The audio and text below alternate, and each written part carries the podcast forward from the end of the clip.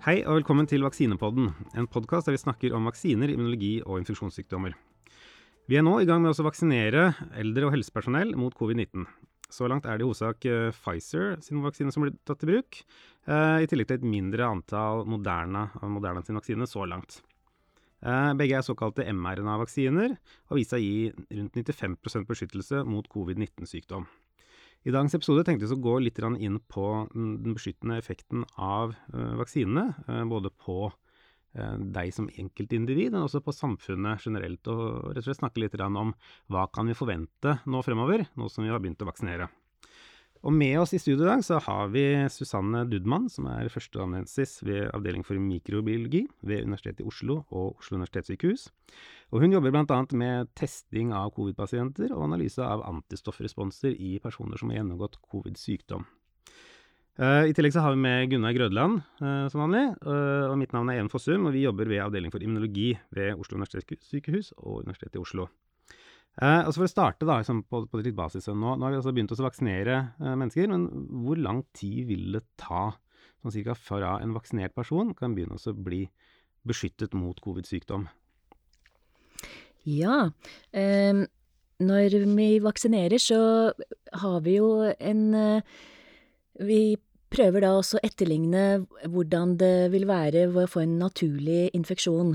Og Ehm, det som skjer, er at kroppen reagerer med å produsere eh, antistoffer som eh, vil beskytte mot eh, sykdom, som når man støter på dette viruset senere. Og fra man får vaksinen, så tar det litt tid i kroppen før man har fått i gang dette helt spesifikke svaret på en slik immun utfordring som vaksinen er. Eh, og man regner med at eh, når det har gått eh, to ukers tid, så har man fått en god respons av det som vi kaller for IGG-antistoffer. Ja, og IGG-antistoffer er de antistoffene som vi i tidligere episoder har nevnt kan potensielt sett blokkere viruset fra å trenge eh, helt eh, inn i eh, cellene våre. Eh, men ofte etter den første vaksineringen så får du ikke sånn kjempehøye nivåer av IGG. Sånn at det er derfor disse vaksinene er testa med to doser. Og så varierer intervallet mellom de litt, sånn fra tre til fire uker på disse mRNA-vaksinene. Så for å få en kraftig antistoffrespons med IGG, Eh, så eh, vil det for de fleste kreve to doser, sånn som det ser ut nå. Mm. Og, og, slik er det jo egentlig også i virkeligheten når man støter på disse koronavirusene, eh, hvis man blir smittet naturlig og får en infeksjon. For eh, som eh, små barn så får man gjerne Eh, flere infeksjoner med eh, hva vi kaller for sesongkoronavirus, som er sånne vanlige forkjølelsesvirus som sirkulerer i befolkningen. Og når man da eh, som barn får sånt, en sånn infeksjon, med ett virus, så, så, kan man støte på det igjen senere, og da får man også en mye bedre immunrespons. Sånn at det er veldig lignende det vi gjør med vaksinasjon, som det er når vi eh, ser en naturlig infeksjon. Det er egentlig et ganske viktig poeng, for det har jo vært en diskusjon om man skal vaksinere barn eh, mot eh, SARS-CoV-2 i framtiden. Nå er jo ikke vaksinene testet i eh, barn foreløpig, så det er jo ikke et reelt spørsmål akkurat nå. Eh, men hva man skal gjøre framover, eh, er jo en diskusjon. Eh, og nettopp det eh, at vi ser at barn er mindre utsatt for alvorlig sykdom eh, mot covid-19, og som du sier, det at man gjennom infeksjon i barn får oppbygget seg et ganske godt forsvar mot ulike koronavirus, det kan jo peke i retning av at vi framover eh, kanskje heller ikke velger å vaksinere barn mot SARS-CoV-2. Hmm. Så for å summere, så fra, fra, første vaksinering så går det sånn omtrent to uker før vi begynner å se antistoffer. Og så er vi da etter andre vaksinering, sånn tre-fire uker, så tar det vel en ukes tid til, eller noe, og så er man vel ansett for å være fullt beskyttet mot covid-19. I hvert fall i henhold til disse studiene som er gjennomført. Um, Men altså, nå, nå, nå tar den der eh, vaksineutrullingen her i Norge det, det, det, tar litt tid. Vi har vel vaksinert litt over 1% av befolkningen så langt. Um, og når kan vi egentlig da forvente altså, færre sykdomstilfeller, færre dødsfall? Vil vi kunne se det snart? Er det noen som har noen tanker om det? Det er jo eh, det store spørsmålet, er det ikke det? Det er akkurat det, ja. For eh, det har vi jo ikke noe eh, fasitsvar på ennå, av at eh, vaksinasjonen akkurat har startet opp i forskjellige land, inkludert Norge. Sånn at de nærmeste månedene vil vi jo kunne se effekter av den vaksinasjonen. Og eh, det er kanskje de landene som er startet først, hvor vi kan se Eh, effekt først, sånn som i Storbritannia? Eh, ja, eh, men nå har vi nettopp vaksinert de første for andre gang av de som ble vaksinert fra julen. Sånn at gradvis utover så vil man jo forvente at stadig flere i risikogruppen har fått beskyttende immunitet etter vaksinering. Det kan vi håpe. Nå er det sånn at Eh, studiene som er gjennomført i fase tre for de ulike vaksinene, i liten grad har blitt eh, testet i de aller eldste, som er de vi eh, vaksinerer nå. Så derfor er det faktisk egentlig viktig å sjekke om disse to dosene er nok, eller om man faktisk skulle vurdere noe ekstra. Men det må vi jo se framover, for som sagt, nå har de første nettopp fått dose nummer to og har gått en ukes tid, så det bør jo tilsi at vi som befolkning blir stadig sikrere, ettersom vi i hvert fall forhåpentligvis nå har fått beskytta deler av risikogruppen. Mm. Så vi bør egentlig kunne se en, en effekt på den, på den, eldste befolkningen relativt snart, når det kommer til sånn type alvorlig sykdom og, og potensielt dødsfall. I løpet så, av den kommende uken og et par ukene så vil jo på en måte en god del av risikobefolkningen begynne å oppnå en eh, relevant immunitet. Mm. Eh, jeg hørte altså, Det er et spørsmål her så, så, Hvor stor andel av befolkningen må egentlig være vaksinert før vi kan forvente at det, at det er en sånn, noen, noen form for flokkimmunitet, eller kan vi forvente det? Eller, altså, før vi ser virkelig en nedgang i antall infeksjonstilfeller? Jeg tror det er, det er kanskje noe som mange er litt nysgjerrige på? Ja, det er jo vi også veldig nysgjerrige på. Og jeg vet eh, har eh, kommet noen sånne modellstudier som ser litt på det og har eh, Man antar at eh, minst 70 eh, av populasjonen bør være vaksinert for at vi skal kunne se effekt. Ja, og det vil òg komme egentlig an på hvor stor grad av samfunnet som faktisk har gjennomgått mildere infeksjon med covid-19. fordi hvis du har det, så vil du jo òg ha en grunnleggende immunitet. Eh, som vil kunne bidra til flokkimmunitet. Så på en måte vaksinegraden kombinert med infeksjonsgraden i samfunnet eh, vil jo være det som eh, er avgjørende. Og det vil nok variere litt fra land til land. Hmm. En, en, annen ting som har kommet opp litt med disse vaksinene, er jo altså spørsmålet hvor lang vil immuniteten vare? Så hvor lenge vil vi være immune etter vi er vaksinert? Er det sånn at vi må ta denne på nytt igjen neste, neste vinter? holdt jeg på å si? Altså, vet vi noe om det i forhold til varighet på immunresponser og varighet på beskyttelse?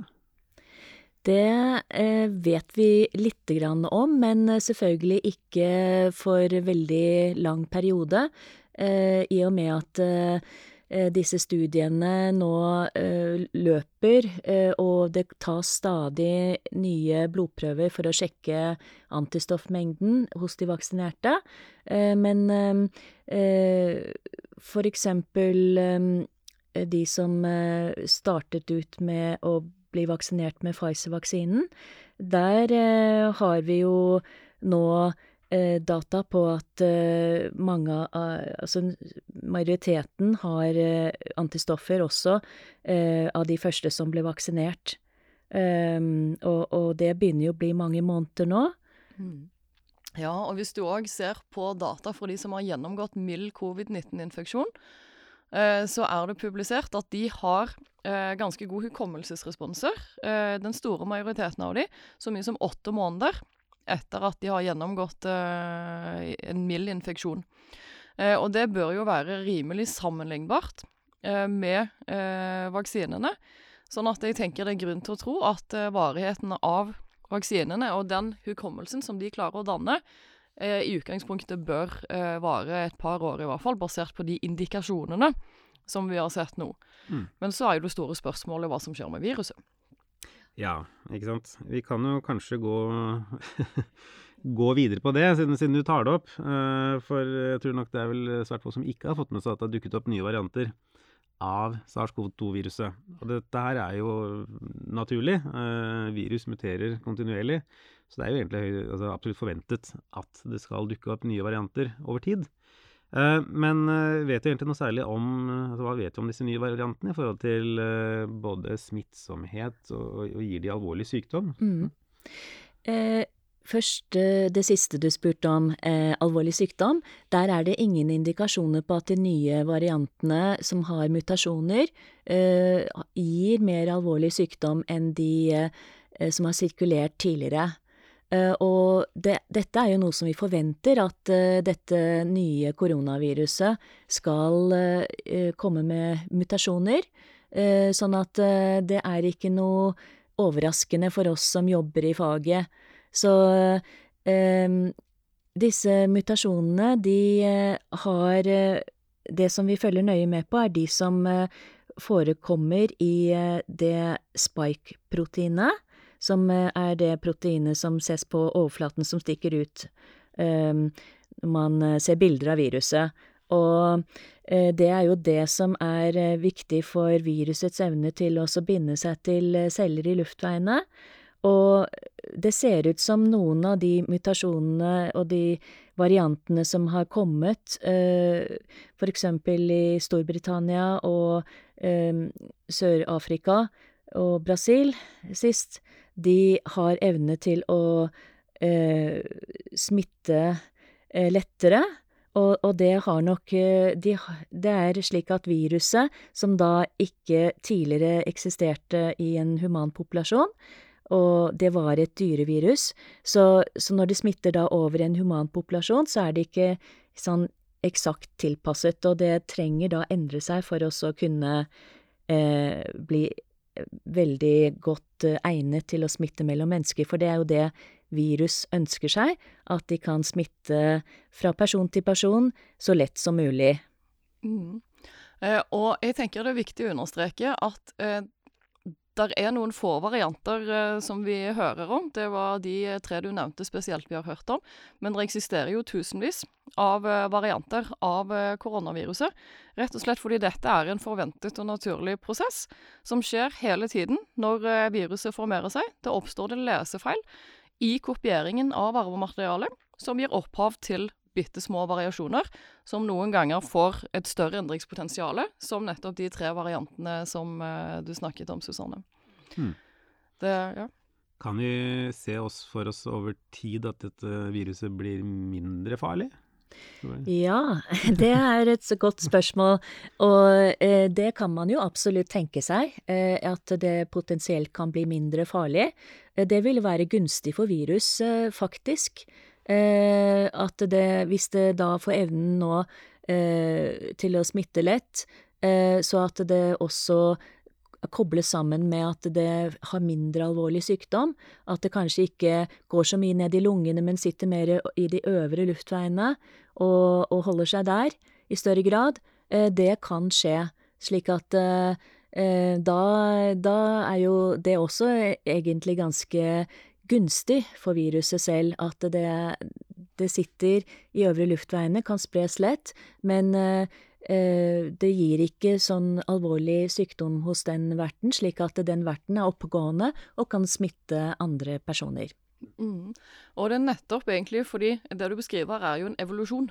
Mm. Der ørsmå endringer som gir det ene viruset en bitte liten fordel foran de andre, vil kunne klare å spre seg eh, og overleve bedre og overta befolkningen. Og det er nettopp da evnen til å smitte mellom mennesker, som vi nå ser, som er en fordel for de virusene som tilfeldig klarer å oppnå den egenskapen der. Og de som da òg tilfeldig går i en retning som er mindre farlige, vil jo være utsatt for mindre press fra oss, i og med at vi vil bruke mindre energi på å stoppe de.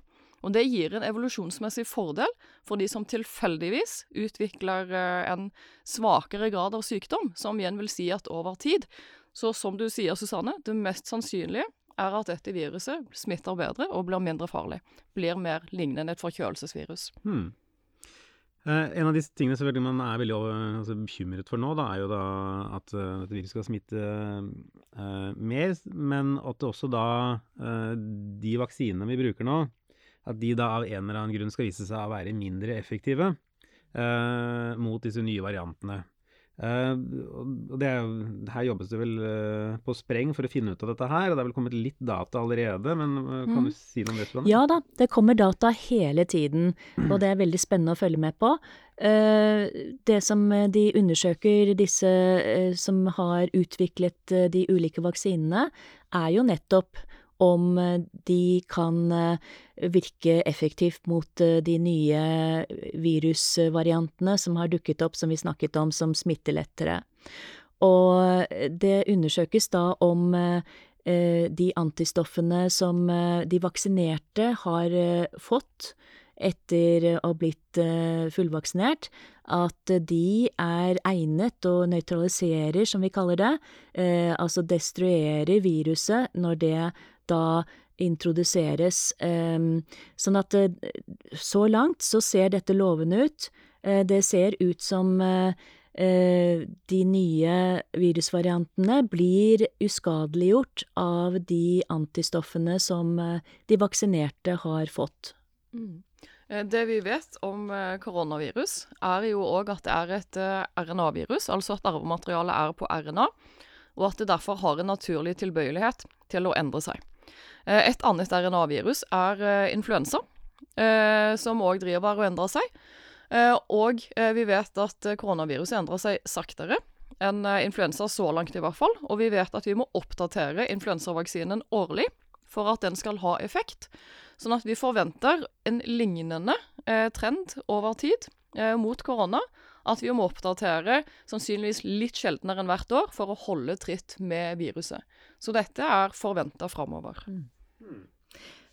Og eh, vi forventer jo at eh, det nye koronaviruset skal eh, bli en av de vanlige virusene vi har eh, å støte på i luftveissesongen hvert år. Sånn at eh, vi forventer at eh, dette er noe som vi kommer til å, å trenge å ha en vaksine på linje med årlig influensavaksine Eh, for de som eh, er i risikogruppen eh, og, og, og trenger å beskytte seg. Mm. På, for, for en ting er på en måte vaksineresponsen, men det har vel også kommet litt data på når det gjelder personer som har gjennomgått sykdom. altså Gjerne de som var syke i første, første fase av, av pandemien. Og, og, hvilke antistoffresponser på de. Men der er forstått som at det, er, det har vært tegn til at disse nye variantene i større grad har, har unnsluppet antistoffer fra de som uh, har vært smitta i første omgang? Er det noen som har uh, lest noe om det, eller? Så det var noe data nå fra eh, bl.a. disse sørafrikanske variantene, der man hadde sett på serum fra pasienter som hadde gjennomgått smitte i den første fasen. Og da man så en sånn ganske betydelig uh, escape da, til da disse variantene uh, uh, ikke lenger ble nøytralisert av disse nye Altså av gammel serum. Så det, det kan også være et, eh, en indikasjon på at når vi nå ser en del av disse variantene få feste og komme opp ganske kraftig nå, at da immuniteten mot de variantene er lavere. Men, men, her er vel kanskje jeg på, her kan vel også T-celler kanskje spille en rolle? Mm, absolutt. Ja, og antistoffer mot ja, andre deler. Ja da.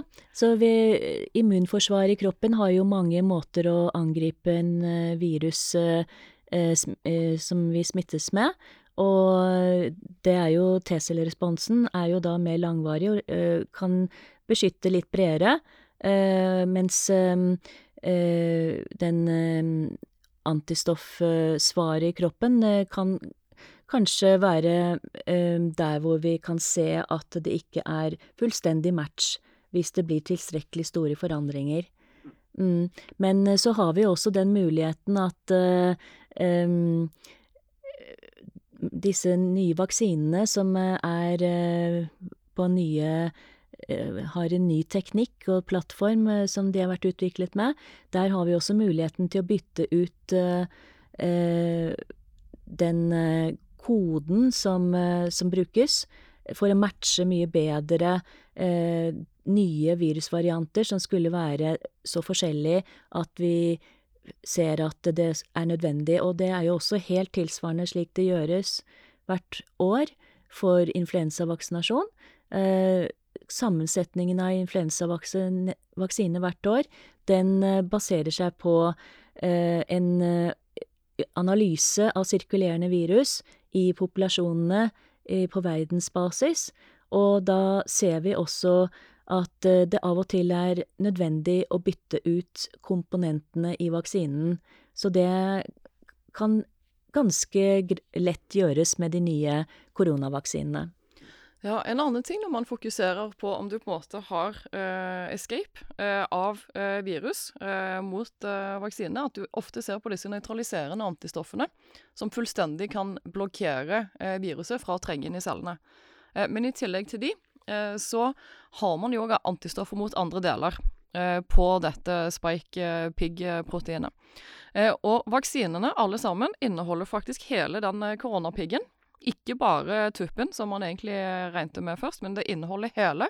Som vil si at du kan få antistoffer mot deler av piggen hvor de ikke direkte hindrer viruset, men hvor de likevel vil effektivt kunne binde viruset for å rekruttere immunceller, som igjen så kan bidra til destruksjon av viruset.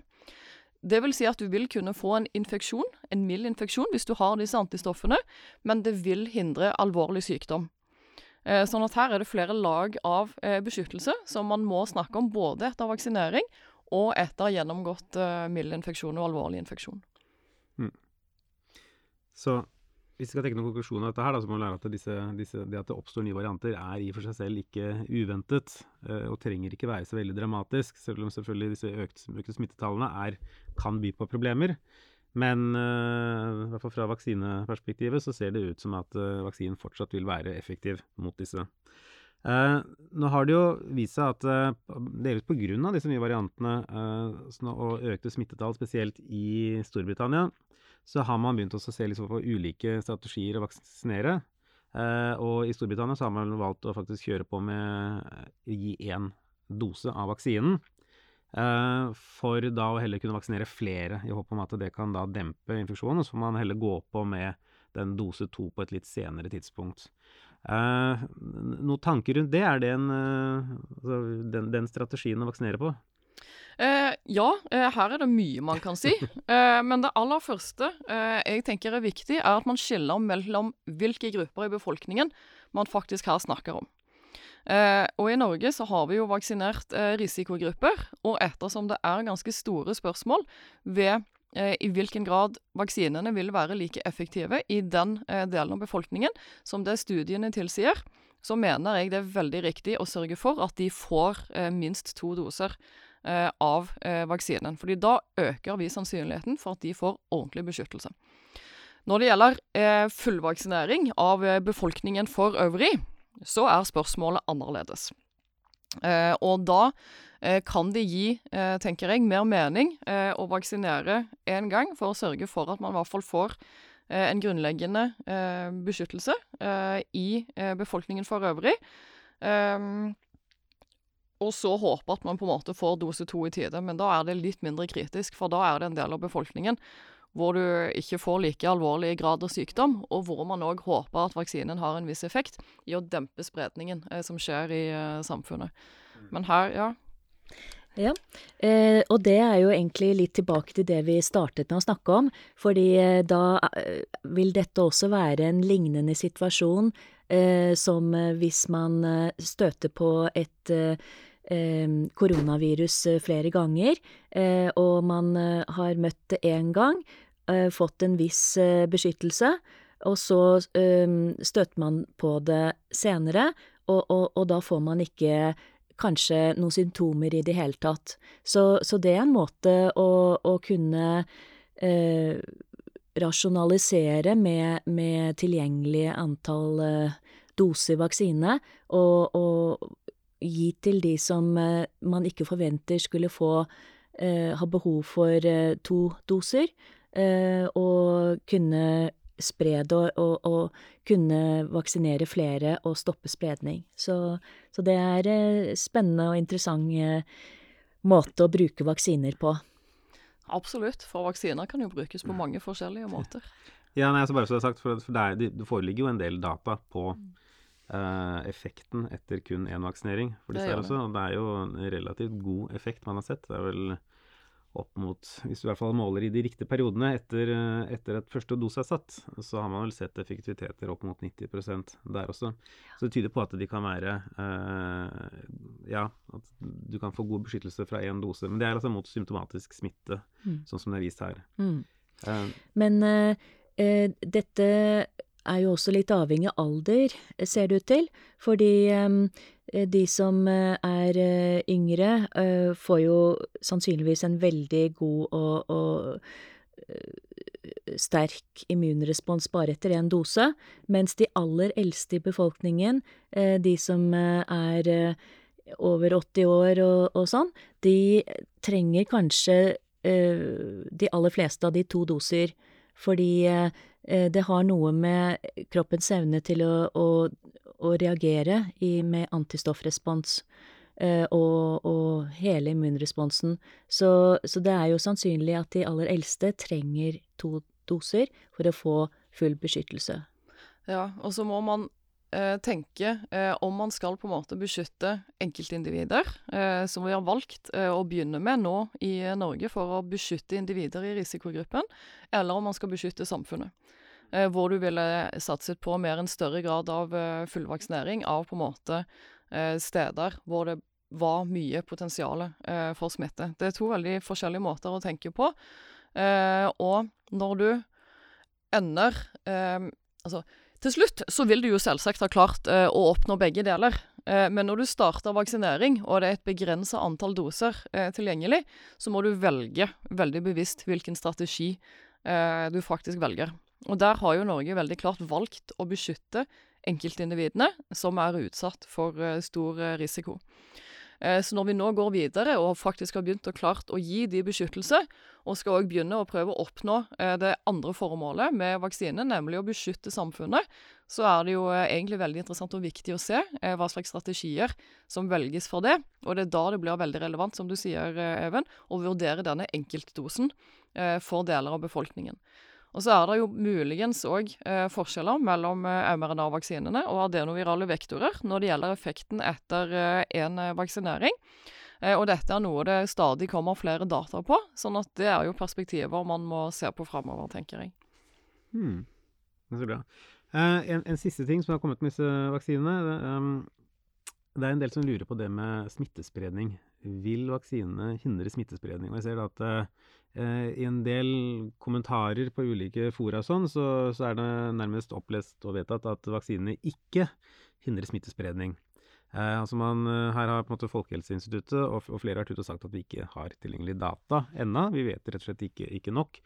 Og man får følelsen at dette kunnskapshullet blir litt utnyttet til også nærmest spre ja, delvis feilaktig informasjon, vil jeg si, om, om at det ikke hindrer. Men, men vi, det er jo ikke sånn at vi er helt blanke på dette feltet kan jeg bare begynne med å si man må skille mellom å hindre smittespredning og redusere smittespredning, fordi det er to veldig forskjellige ting eh, når man diskuterer dette. Ja, absolutt. For eh, eh det er jo snakk om om eh, en vaksine kan eh, Eh, virke eh, steriliserende på, på, smittespredning, at det overhodet ikke er mulig at virus replikerer og formerer seg eh, hvis det har vært vaksinert. Eller så kan det være at det blir såpass lite formering av virus hos vaksinerte at de ikke er smittsomme. Det er kanskje bare snakk om at virus er til stede en dag, og så er det borte. Og da er jo veldig begrenset med eh, potensialet for å smitte videre. Og også det at uh, vaksinerte ikke får symptomer. De nyser og hoster ikke, uh, og har ikke noe mulighet da, sånn som det er ellers med smitte, dråpesmitte, ved luftveisinfeksjoner og, og smitte effektivt videre. Så, så jeg tenker eh, for disse koronavaksinene, selv om vi ikke har et fasitsvar ennå, så er det eh, høyst eh, sannsynlig at de vil hindre smittespredning også. Vi har noen sånne eh, foreløpige tall fra Oxford-vaksinen. Eh, hvor de utstyrte de deltakerne med prøvetakningsutstyr, slik at de kunne ta prøve av seg selv regelmessig, både om de hadde symptomer og om de ikke hadde symptomer. Og da så vi at det var en klar forskjell mellom de vaksinerte og de ikke-vaksinerte, at det, det var mindre smitte. Så det peker jo i retning at vi kan også forvente at vaksinene vil hindre smitte. Det var jo òg en studie av helsepersonell som hadde gjennomgått mild eh, covid-19-infeksjon i Storbritannia. Eh, de hadde eh, rett og slett ikke virus, detekterbart virus, i øvre luftveier, til tross for at de selvsagt ikke hadde symptomer. Og hvis de hadde symptomer, så var det andre ting enn covid-19. Eh, sånn at den eh, studien i sum òg eh, peker på at de immunresponsene som dannes etter mild infeksjon, og som altså er relativt like vaksine, vil kunne sterkt redusere, i hvert fall, sannsynligheten for òg at du faktisk får detekterbart virus i luftveiene. Hmm. Så da kan vi egentlig konkludere med at selv om vi ikke har Altså vi har ikke noe Vi vet ikke nok helt ennå, uh, så er det allikevel svært sannsynlig at disse vaksinene også vil bidra til å redusere smittespredningen i samfunnet. Og vil være Altså ha en avgjørende rolle hvis vi ønsker å få kontroll over denne, denne, pågående pandemien. Da tror jeg egentlig bare vi skal ta oss og avslutte på det. tusen takk til Susann Dudmann for at du tok deg tid til å komme innom oss. Uh, tusen takk til Morten Skoglund ved Seksjon for medisinsk informatikk for teknisk produksjon. Uh, hvis du ønsker å lære, å lære, mer om vaksiner og immunforsvaret uh, vårt, så kan du også ta turen innom bloggen vår, vaksinebloggen, og lese litt der. og takk for at du hørte på.